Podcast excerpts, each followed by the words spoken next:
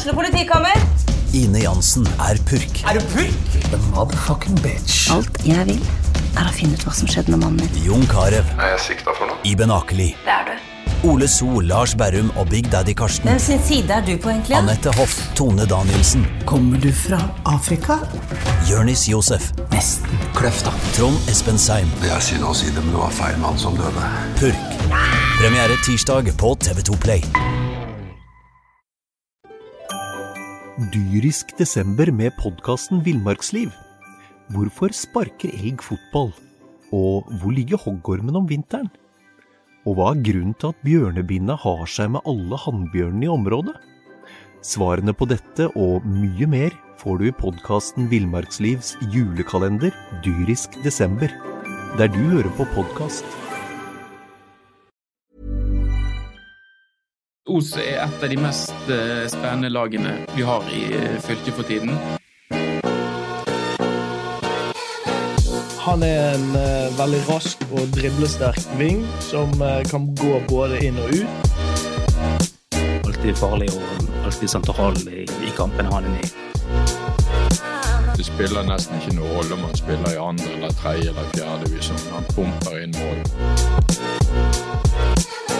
Det blir ingen fotballfest eller fotballgalla for lokalfotball i år. Men vi skal selvfølgelig kåre årets spiller og årets trener i de forskjellige divisjonene likevel. I denne episoden av Fotballpreg skal vi kåre årets spiller og årets trener i tredjedivisjon herrer, andredivisjon kvinner og tredjedivisjon kvinner. Juryen har bestått av meg, Bernt Erik Haaland, vår lokalfotballnestor Per Kolstad, Odd Løvseth fra Hordalands Fotball, og tre av våre fotballkommentatorer her i BA, Kristoffer Husa, Mathias Makodi Lund og Kiddy Frosta. Der er Pletner, og der er det fire. De ruller inn mål etter mål. Får lagt inn bakerst her. Neste Martin. Der kommer der Tim Nilsen! Igjen er Tim Nilsen der. 16-meteren. Skårer! Til å gå gjennom tredjedivisjon har jeg med meg eh, Mathias Makodi Lund og Kristoffer Husa. Begge to har eh, kommentert mange kamper i tredjedivisjon eh, denne sesongen. Eh, Så kjenner vi også Mathias Makodi Lund som eh, trener i lokalfotball. I år har det vært eh, Vareg 2, Ja. så eh, han skal ikke få være med og diskutere femtedivisjon. Litt inhabil der. Men tredjedivisjon, der har du sett masse kamper. Eh, og det har du også, Kristoffer Husa. Mm. Eh, Juryen ble jo litt sånn eh, Vi måtte ta en runde på dette med, med Brann 2. For der har jo Asa Kradas gjort en jobb og fått opp laget. Men premissene til Brann 2 er jo ganske annerledes enn de andre lagene i tredjedivisjon. Eh, man kan jo ha med tre spillere som er over eh, 22 år, og de som ikke starter for A-laget, de kan du bruke, osv., osv. Så, så, men, så derfor har vi valgt å ikke gi årets trenerpris til en andrelagstrener.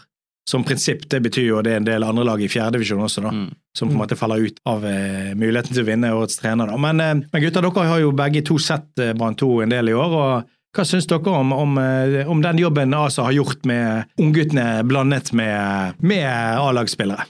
Jeg syns det er veldig imponerende, og hvis ikke jeg tar helt feil, så vant vel Brann 2 de første åtte kampene. Eh, og det var jo egentlig Snakket jo med Asa om dette her, og det var jo på en måte eh, den starten som ga de det forspranget som de egentlig hadde hele veien, og de ledet jo serien hele tiden. Det som imponerer meg med Brann 2, er at det er veldig mange gode unge spillere der, som, som jeg aldri har sett spille, men som, uh, som gir optimisme i forhold til uh, å få opp spillere på Brann sitt A-lag. Hvis jeg skal trekke frem eh, noen, så for eksempel er det en midtstopper, eh, Rasmus Holten, som er veldig spennende. Ja, det, det er masse gode unge spillere der, og jeg har, vi snakker jo av og til litt med dem før og etter kamper, og de skryter veldig mye av eh, Karadas.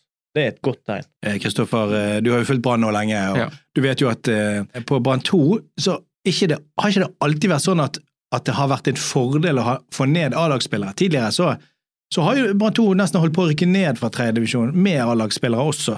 Så, eh, så det må jo være en greie det der med å få A-lagsspillere til å fungere sammen med, med de unge, vel? Ja, det er absolutt et et, et godt poeng og på en måte stor kudos egentlig til Asa Karadas for å ha fått det der til å fungere så godt som det faktisk har. Jeg husker du og jeg vi var oppe og så den første kampen som Brann 2 hadde i år, som var mot Fana, som var et lag som vi regnet med skulle kjempe i toppen, og så etter hvert også gjorde det. Så feide Brann 2 de har banen. Riktignok et veldig forsterket Brann 2-lag, men eh, jeg tror Karadas er en veldig flink type i, i garderoben og på en måte har åpenbart uh, hatt en god innvirkning både på de unge spillerne til Brann, men også fått en veldig sånn uh, gode bidrag fra A-lagsspillerne. Det har liksom ikke vært noe syting eller klaging, og det har vært vesentlige bidrag egentlig hele året fra de A-lagsspillerne som har vært med. Det virker så de har tatt det dønn seriøst. Ehm, så på slutten av sesongen nå, eh, Leikvoll Moberg så hadde helt, helt avgjørende bidrag eh, til opprykket. Tidlig i sesongen var Bård Finne, Blomberg og andre som også var med. og og virkelig hadde sine bidrag. Så de, de har fått det til å spille på en veldig veldig god måte på andre dager til Brann i år. Det er vel den måten de kanskje også må gjøre det på neste år, da, for å holde seg i andredivisjon. Det blir jo en helt annen utfordring, da.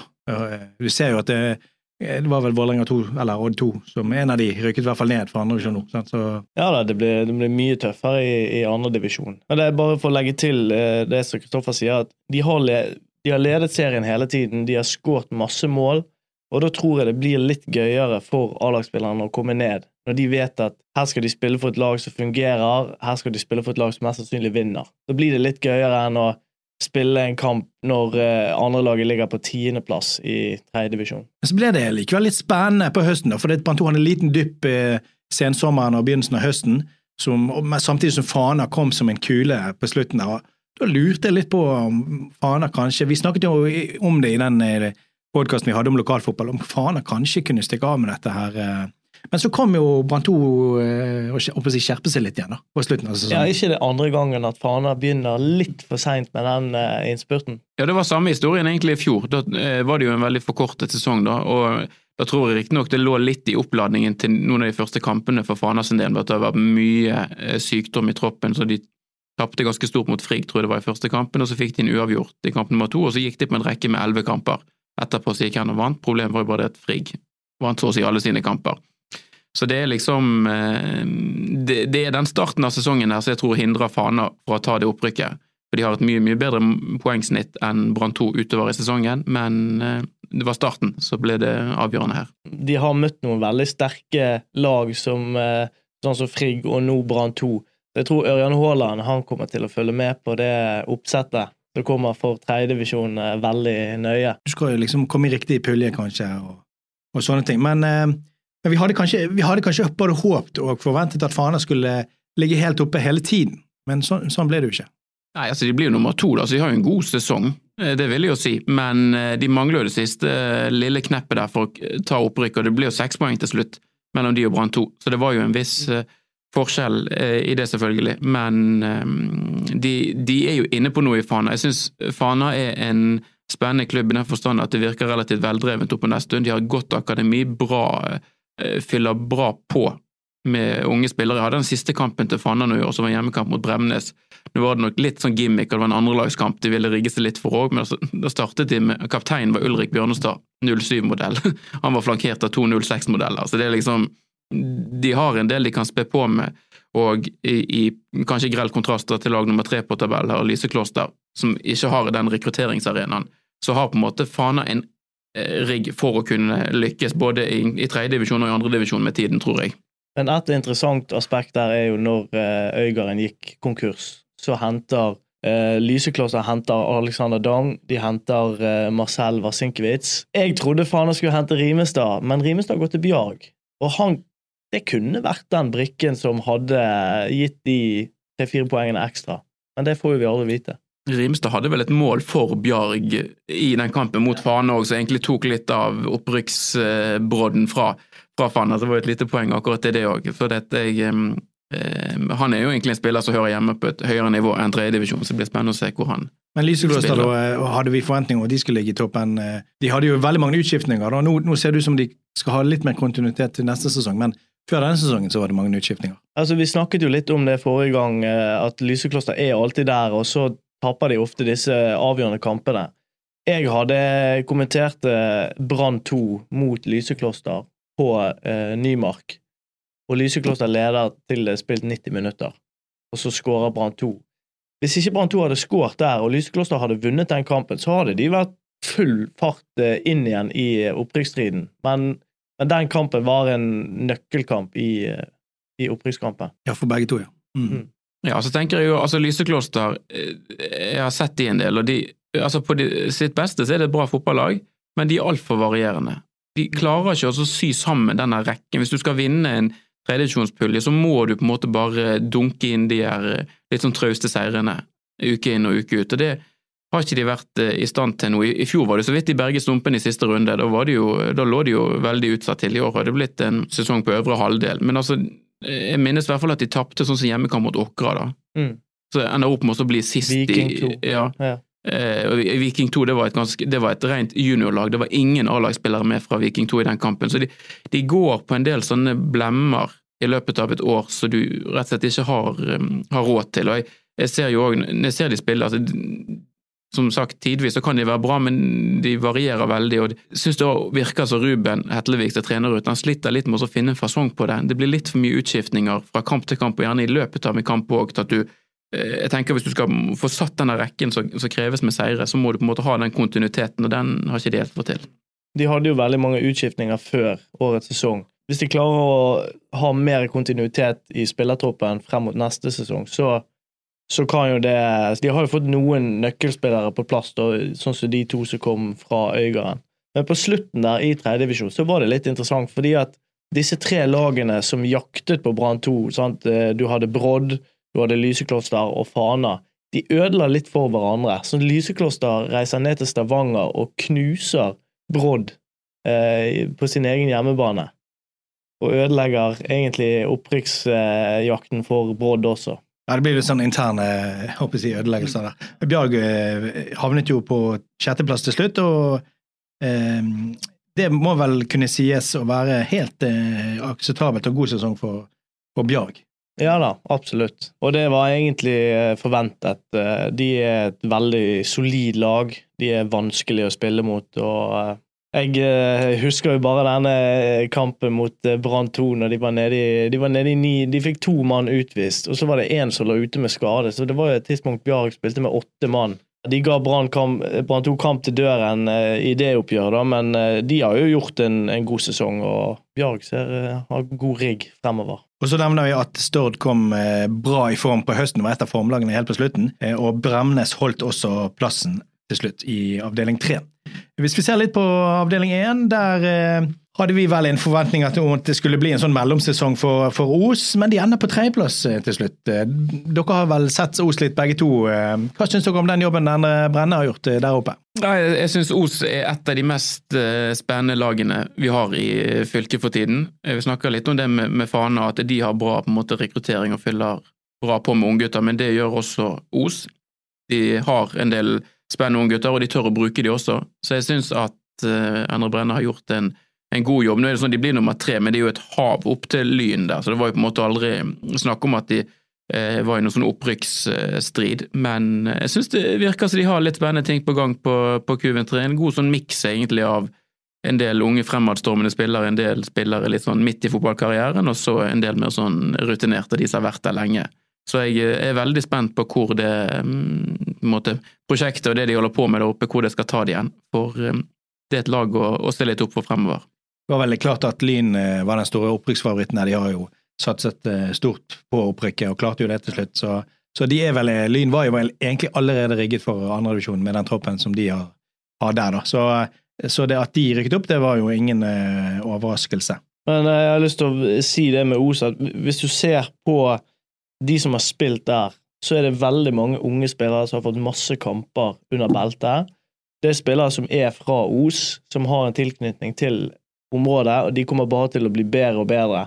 Så, eh, så det er et lag i, i stor utvikling, og jeg syns de spiller på en kul måte også. Sånn 3-4-2-1-system. Eh, ganske spillende. Eh, de har jo han Torgeir Lunde sentralt, som er en skikkelig pitbull der. Så er det litt spørsmålstegn med han Vegard Skeie. Snakket med Endre Brenne. Var litt usikkert om han skal, skal, spille neste år også. Han er jo en viktig brikke der. Det som Os kanskje manglet på slutten, var jo den spissen som de hadde i Roger Ekeland, som gikk til Stord. Ja, de hadde en liten, liten formdupp når han forsvant, rett og slett, før de fant ut av det igjen. Ja, der, der tenker jeg kanskje de må gjøre noe til neste år, hvis de vil ta enda mer poeng. De hentet inn eh, Kvalvågnes, Daniel er fornavnet hans fra, fra Åkra. Han endte vel på et helt sånn greit eh, skåringssnitt etter hvert i Os, fikk seg noen puttinger på slutten der, men klart eh, Ekeland er jo en enorm ressurs på dette, i hvert fall tredjedivisjonsnivå.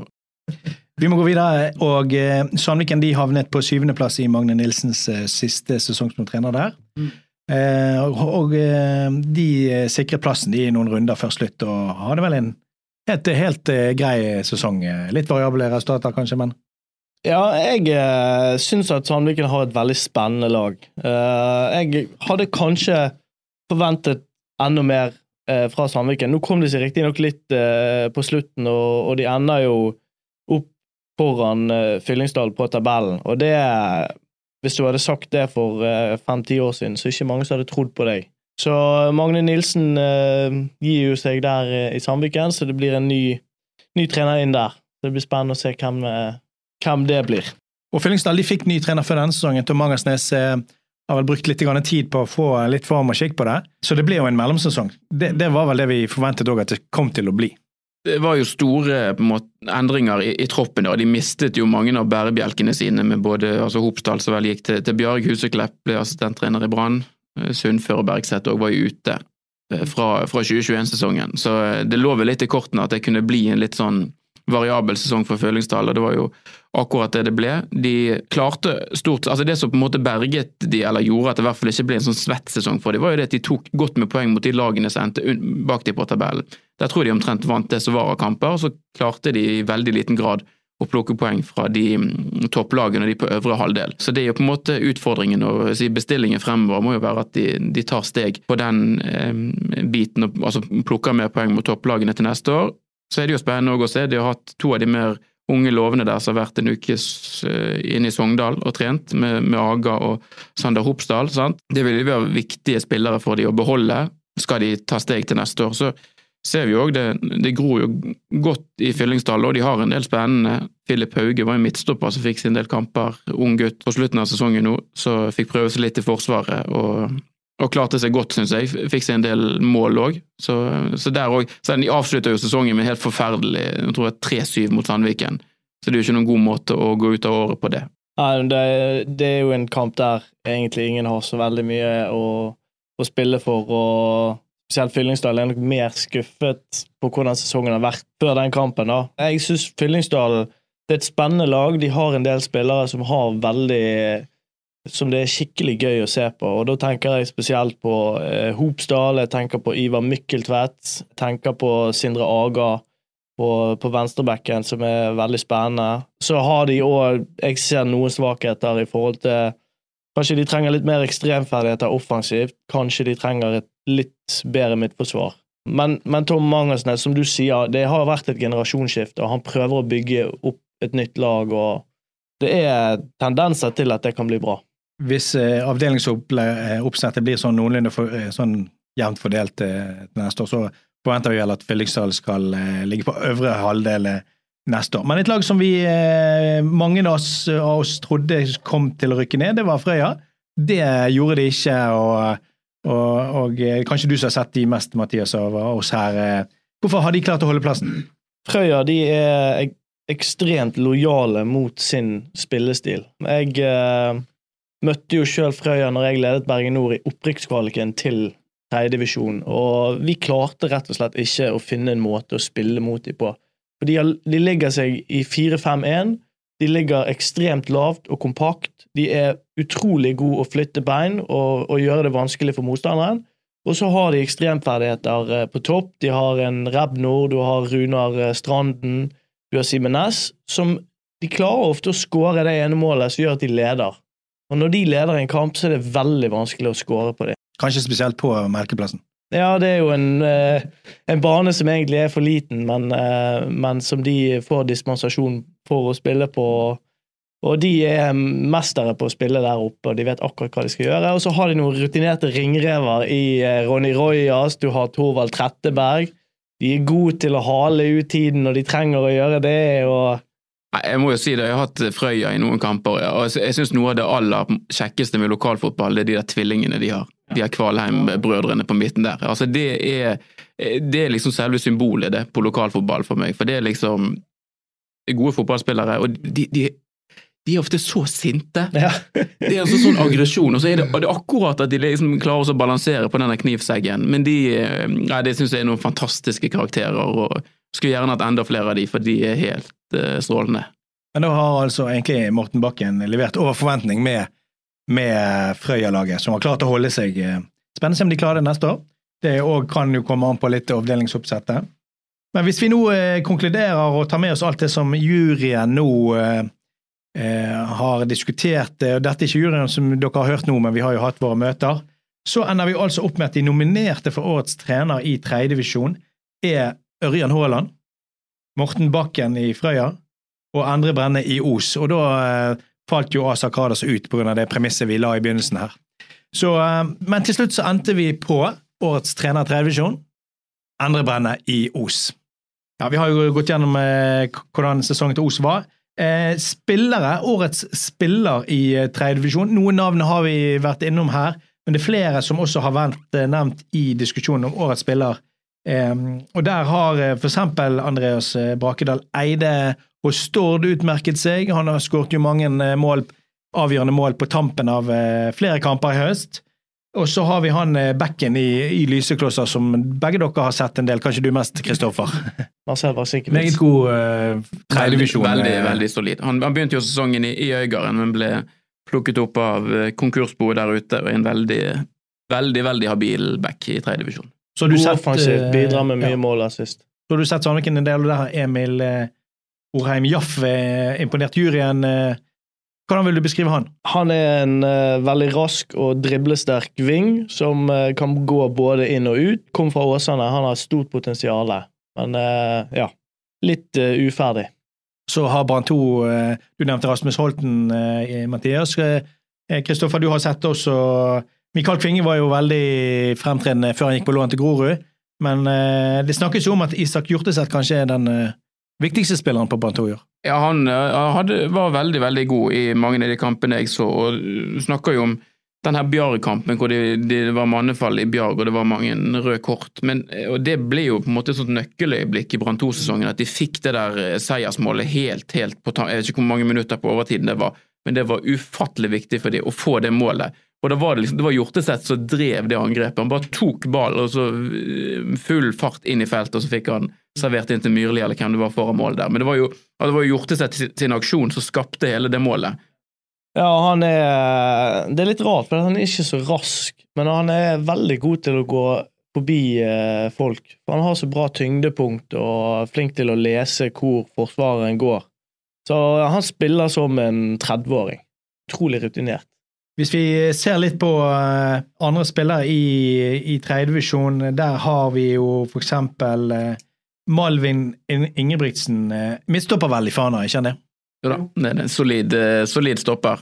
Men du eh, rager jo i, i forsvaret bak der, sånn lett å, lett å få øynene på. Ja, og det er jo litt sånn i Fana-tradisjon. De har jo hatt eh, Mats Valberg, de har hatt eh, Sander Pettersen, og nå er de Malvin Ingebrigtsen, så eh, det er fysiske midtstoppere som gjelder der. Og han er, jo- har vel skåret en del mål også.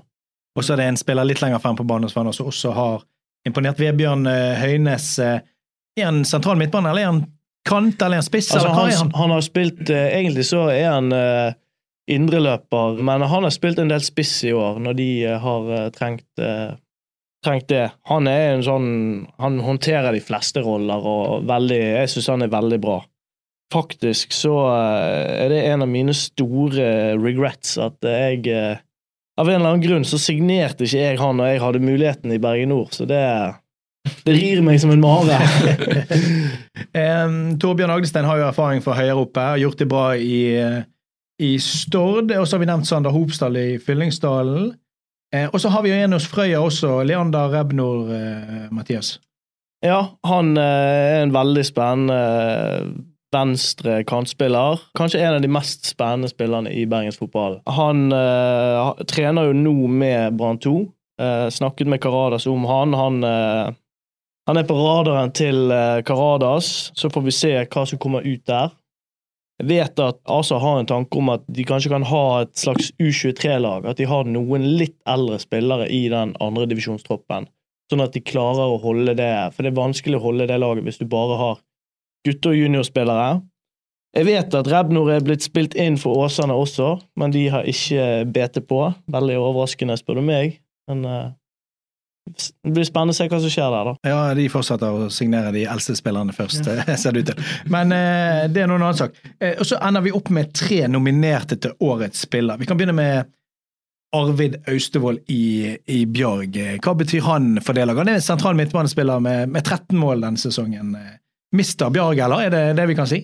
Eh, ja, det er på mange måter Mr. Bjarg. Jeg eh, snakket med Birkelund om han og sier at eh, Arvid Austevoll har en kropp som en gresk gud. Han har en enorm fysikk, sterk og kanskje ikke så rask. Han har 13 mål, og han har spilt sentral midtbane i år eh, for et nyopprykket lag. Det er ganske bra, altså.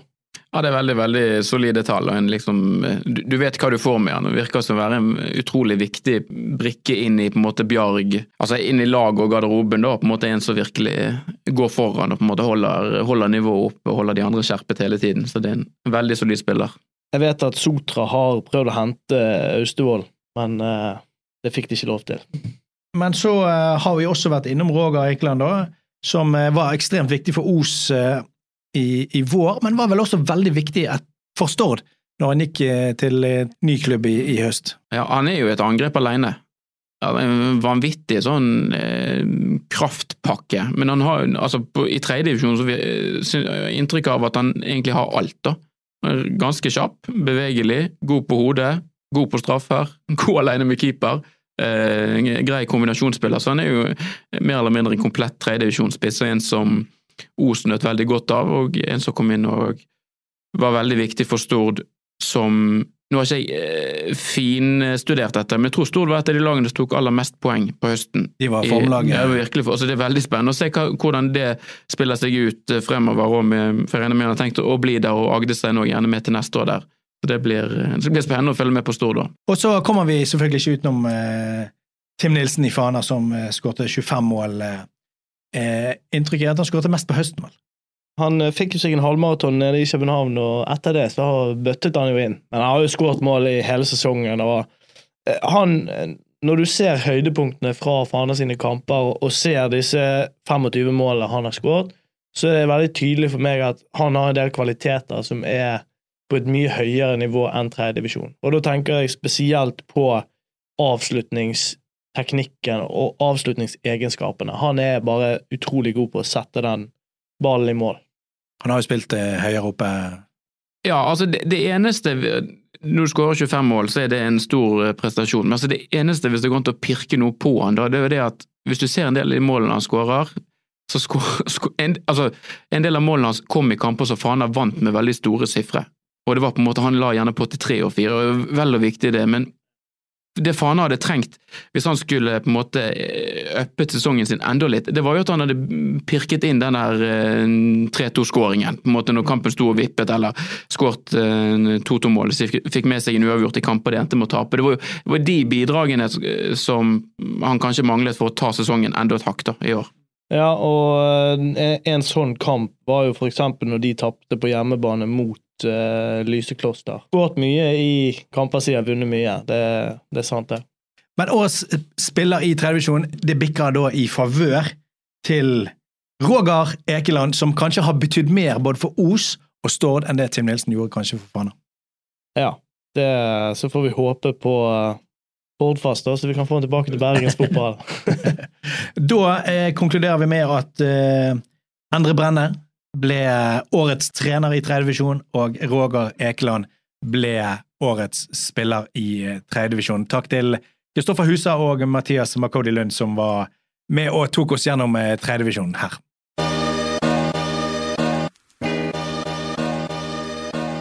Til å gå gjennom andredivisjon kvinner og tredjedivisjon kvinner har jeg med meg eh, Kiddi Fossdal, som er fotballkommentator her i BA. Han er også trener for Nymark sitt eh, damelag i tredjedivisjon. Og så har vi også med oss eh, Odd Løvseth fra Hordalandsfotball. Og eh, det spesielle med andredivisjon i år, eh, Odd, var jo at det var satt en strek etter femteplass. Hvorfor var det satt en strek der. Ja, det var jo stiftingen av den nye andredivisjonen som kommer. Dermed så reduserer man jo fra åtte avdelinger ned til to neste sesong. Så Dermed så ble det en, en meget spennende avdeling for Hordalandslagene dette året her. Ja, Vi kan jo begynne med de som vant denne avdelingen. Fyllingsdalen vant med 61 poeng foran Viking, da, som havnet på andreplass. Det var vel kanskje Viking som var den store favoritten. Men uh, Fyllingsdal imponerte enda mer, de, fordi at de rykket opp til slutt etter å ha slått Bosmo-ytteren hele 10-0. Og så spilte de uavgjort mot Odd 1-1, mens Odd bare vant 9-0 mot Bosmo-ytteren. Dermed har vi Fyllingsdal opp også. Og så hadde vi flere lag som i begynnelsen av sesongen så ut til å klare seg. Kiddy Loddefjord var jo veldig nære der. Ja, de var veldig nære. Jeg syns litt synd i Loddefjord. Altså, fordi at Pga. dette seriesystemet da, så hadde Aversnes 2 rykket ned hvis Aversnes hadde rykket ned fra toppserien. For Da kan ikke det ligge en divisjon rett under førstelaget. Så da Loddefjord altså For å si det sånn, siste serierunde i toppserien, nei, i andredivisjon kvinner, så spilte Haugesund 1-1 mot Avaldsnes 2, og da hadde Loddefjord 2 holdt seg. Og så skårer Haugesund jeg tror det var tre-fire minutter på overtid. Og da havner de på den femteplassen. Og så, eh, på grunn av Avaldsnes 2 ikke kan ligge i andredivisjon hvis Avaldsnes hadde rykket ned, så hadde altså Avaldsnes 2 rykket ned hvis Avaldsnes rykket ned i toppserien på grunn av eh, dette her eh, omleggingen, som jeg sa.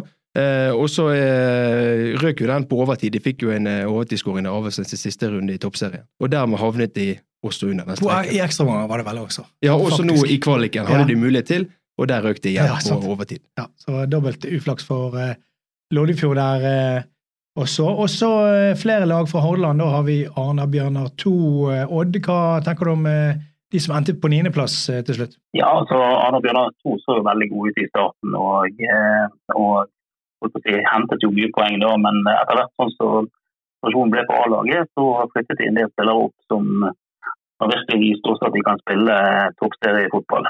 Sånn at dermed så var de gjerne rett og slett ikke konkurransedyktige nok på slutten. For denne andre divisjonen av fire som vi snakker om, er vel fra de fleste anerkjent som den klart, klart tøffeste divisjonen i andre divisjon. Så de havnet på niendeplass, og så er det Os da på ellevteplass, Kiddi? Hva tenker vi om den sesongen? De rykket jo opp fra tredjedivisjon i fjor. De rykket opp eh, fra tredjedivisjon i fjor. Eh, vi spilte jo treningskamp mot de i fjor. Virket jo meget eh, bra.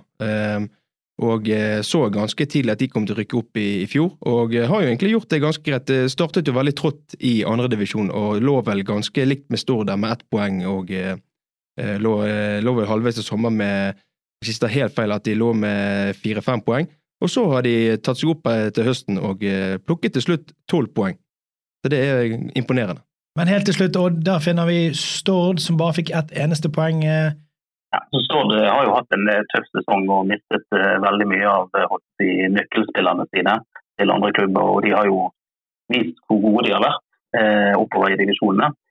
Eh, og eh, Selv om sesongen på Stord ikke ble som de sikkert hadde håpet, så gjøres det utrolig mye godt arbeid og, av klubben. og så kommer nok tilbake med nye flotte talenter. Så vi skal glede oss til det.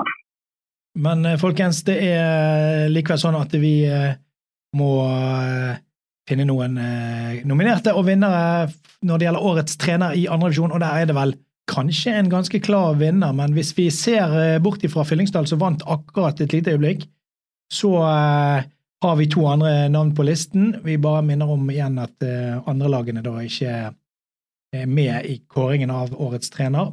Men vi ender opp med nominerte, tre nominerte til årets trener. Det er Børge Haugsdal i Fyllingsdalen, Ørjan Sandal i Os og eh, Jan Ove Sæbø i eh, Loddefjord.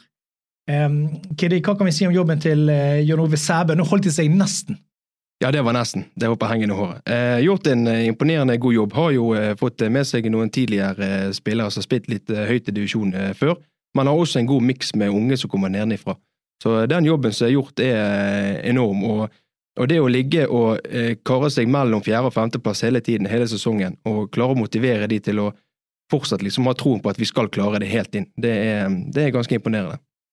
Og så, eh, fra å være tredjedivisjonslag, Odd, så har Os eh, hatt en god høst. Os var jo veldig klar over at eh, de hadde fått, fått lov å låne denne plassen en sesong og teste seg på et eh, mye høyere nivå.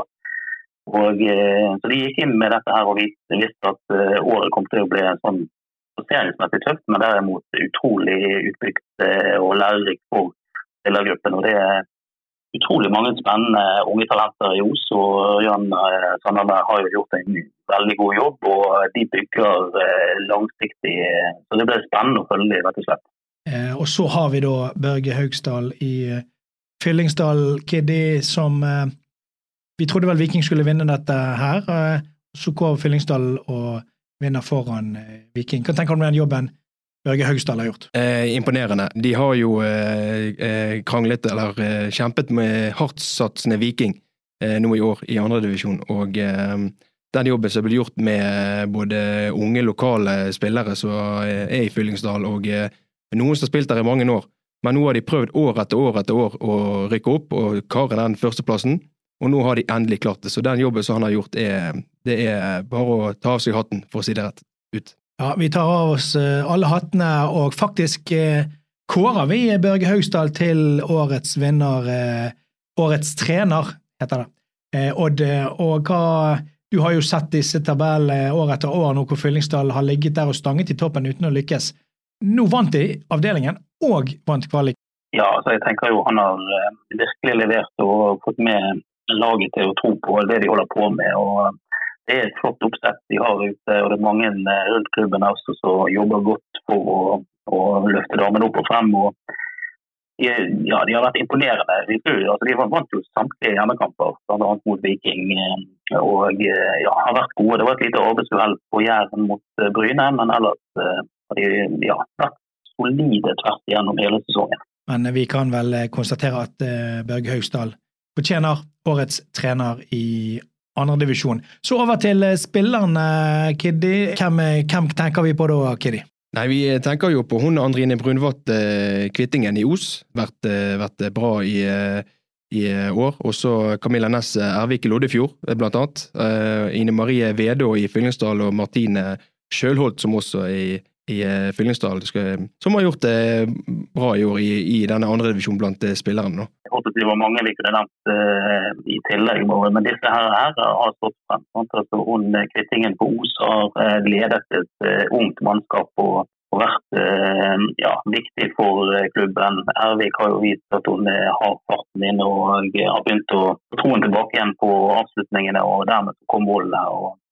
Jeg syns jo både Vede og har spilt i vært veldig mye bedre denne sesongen enn tidligere. og Martine Kjølholt med farten og måltesten sin er alltid god på Fyllingsdalen. Så uh, ender vi opp med to nominerte i tillegg til vinneren. Vi, vi, kan si de to som er nominert, uten å røpe vinneren. Uh, en kaptein uh, ute i Loddefjord. Lina Fortun, eh, kaptein i eh, Loddefjord, eh, ledet dette mannskapet i år. Er en av de nominerte. Som vi var inne på tidligere, en blanding mellom tidligere litt toppspillere og en god miks som kommer nedenifra. Og har som sagt hjulpet gjengen til å ha troen på at dette her skal vi klare. Og det, den jobben hun har gjort, det er meget bra. Da har hun prikket inn noen skåringer også i løpet av sesongen, Lina Fortun. Og så er det en spiller i Fyllingsdalen, Odd, som, eh, som, kanskje, selv om hun ikke er på skåringslisten like høyt oppe som eh, noen av de andre på laget, så har hun likevel imponert stort. Eh, hvem snakker vi om da, Odd? Ja, Det er veteranen i Fyllingsdalen på damesiden, Rebekka Nordberg. Hun har vært veldig solid bak i forsvaret og har skapt trygghet bak som har flyttet seg fremover på banen. sånn at det, ja, Hun har vært en meget, meget sentral spiller på det ble som det ble denne sesongen. Men eh, det er en annen lagvenninne for eh, altså en av Rebekka Nordbergs lagvenninner som vinner prisen som årets spiller, også det fra Fyllingsdal. Det er nemlig, eh, ja, toppskåreren. Julie Belde Rasmussen vinner denne prisen. Og det, utover de 21 målene, hvordan Ja, hvorfor vinner hun prisen? Hun har bare vært fantastisk god, rett og slett. Eh, det ene er at hun skårer mye. Hun har eh, jeg tror det er 17 assist også denne sesongen. Og så er hun enormt god som førsteforsvarer for Fyllingsdalen. Fyllingsdal. Så det jobbes i samtlige 90 minutter. og ja, Hun har virkelig overbevist denne sesongen. og Jeg tenker hun er en verdig vinner av den prisen.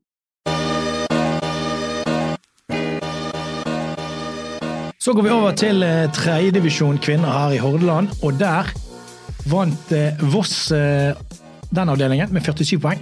Rett foran Sotra, som endte på 46 poeng. Videre har vi Lyngbø, Fyllingsdal 2, Fana, Bremnes, Åsane 2, Djerv, Nymark, Berge Nord, Gneist. Også Bønes var påmeldt, men eh, forsvant vel fort ut, da.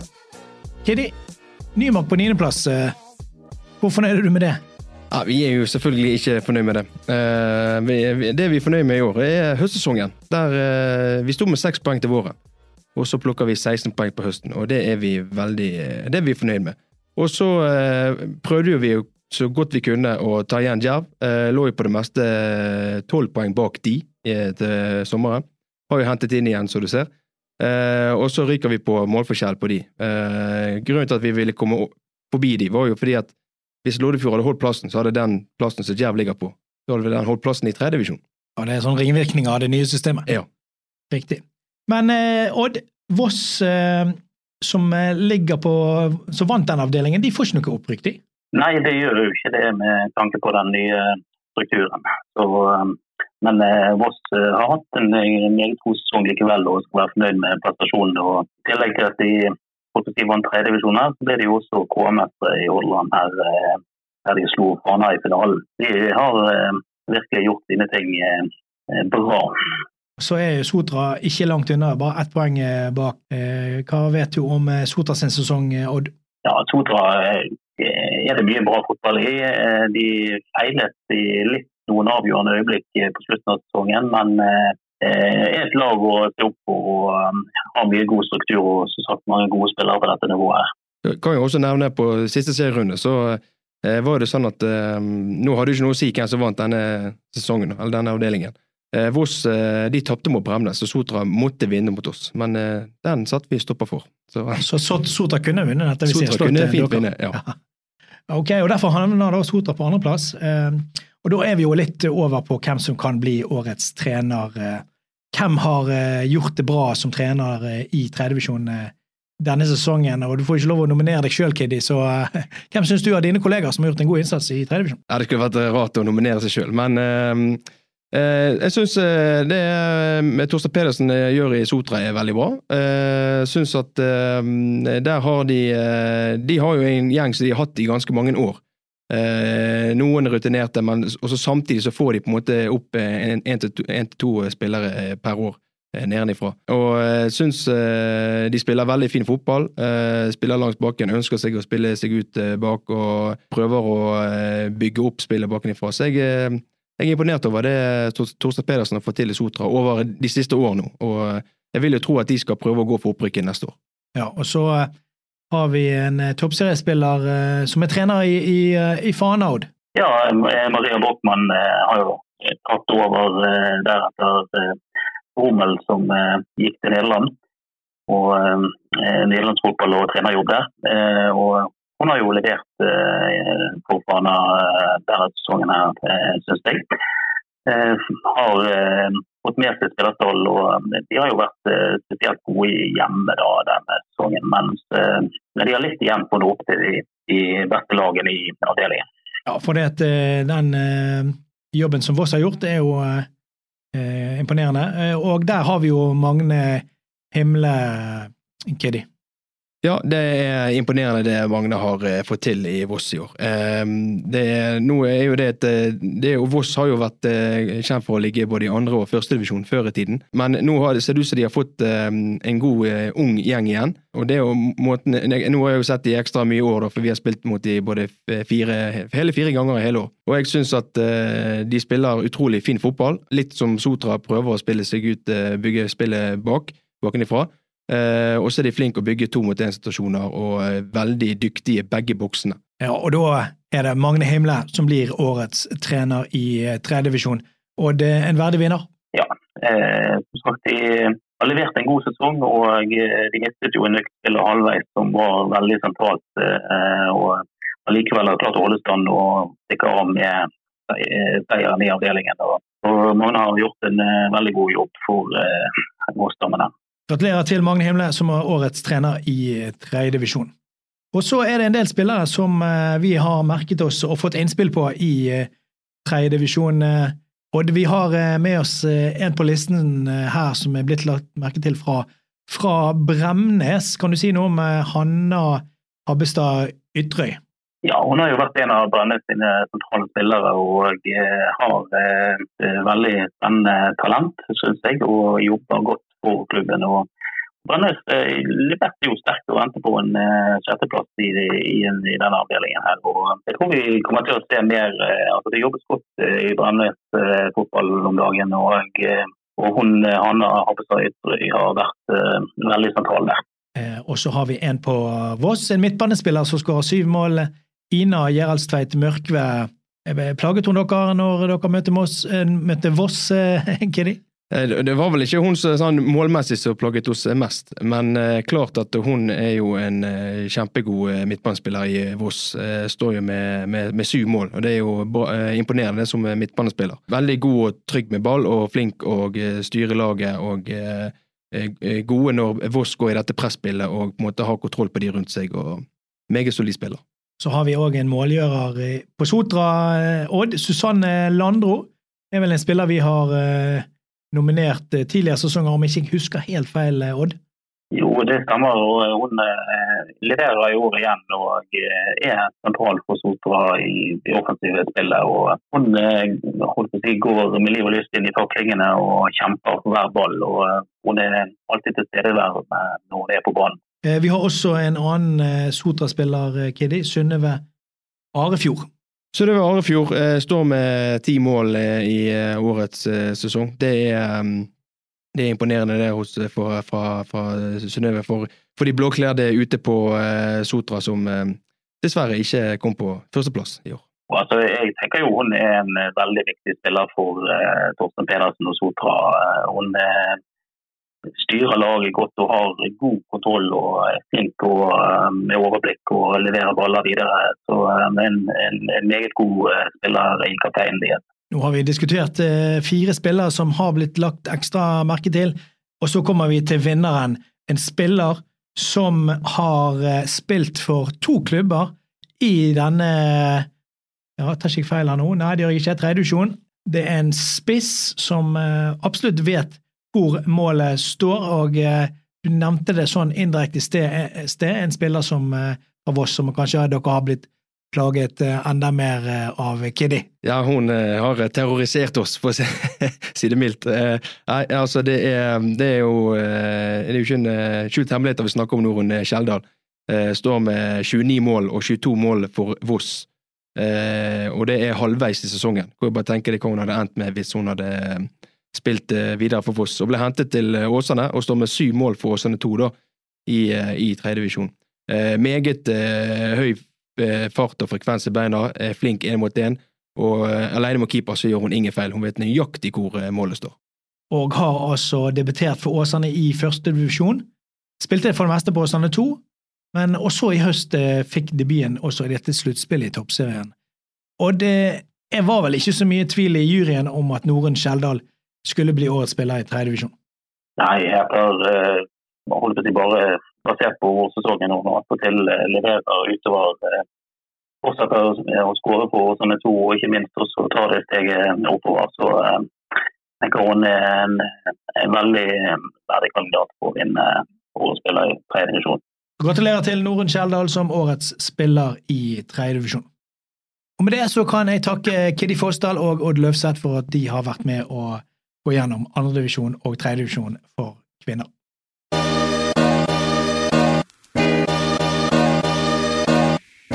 I neste episode av Fotballpreik skal vi kåre årets spiller og årets trener i fjerde og femte divisjon herrer, samt vi skal dele ut årets dommerpris og årets hederspris. Og så Kjølholm på farten! Kan skåre her! Drar seg forbi keeper! Og rett i mål! Der står det 1-1. Fyllingsdal utligner.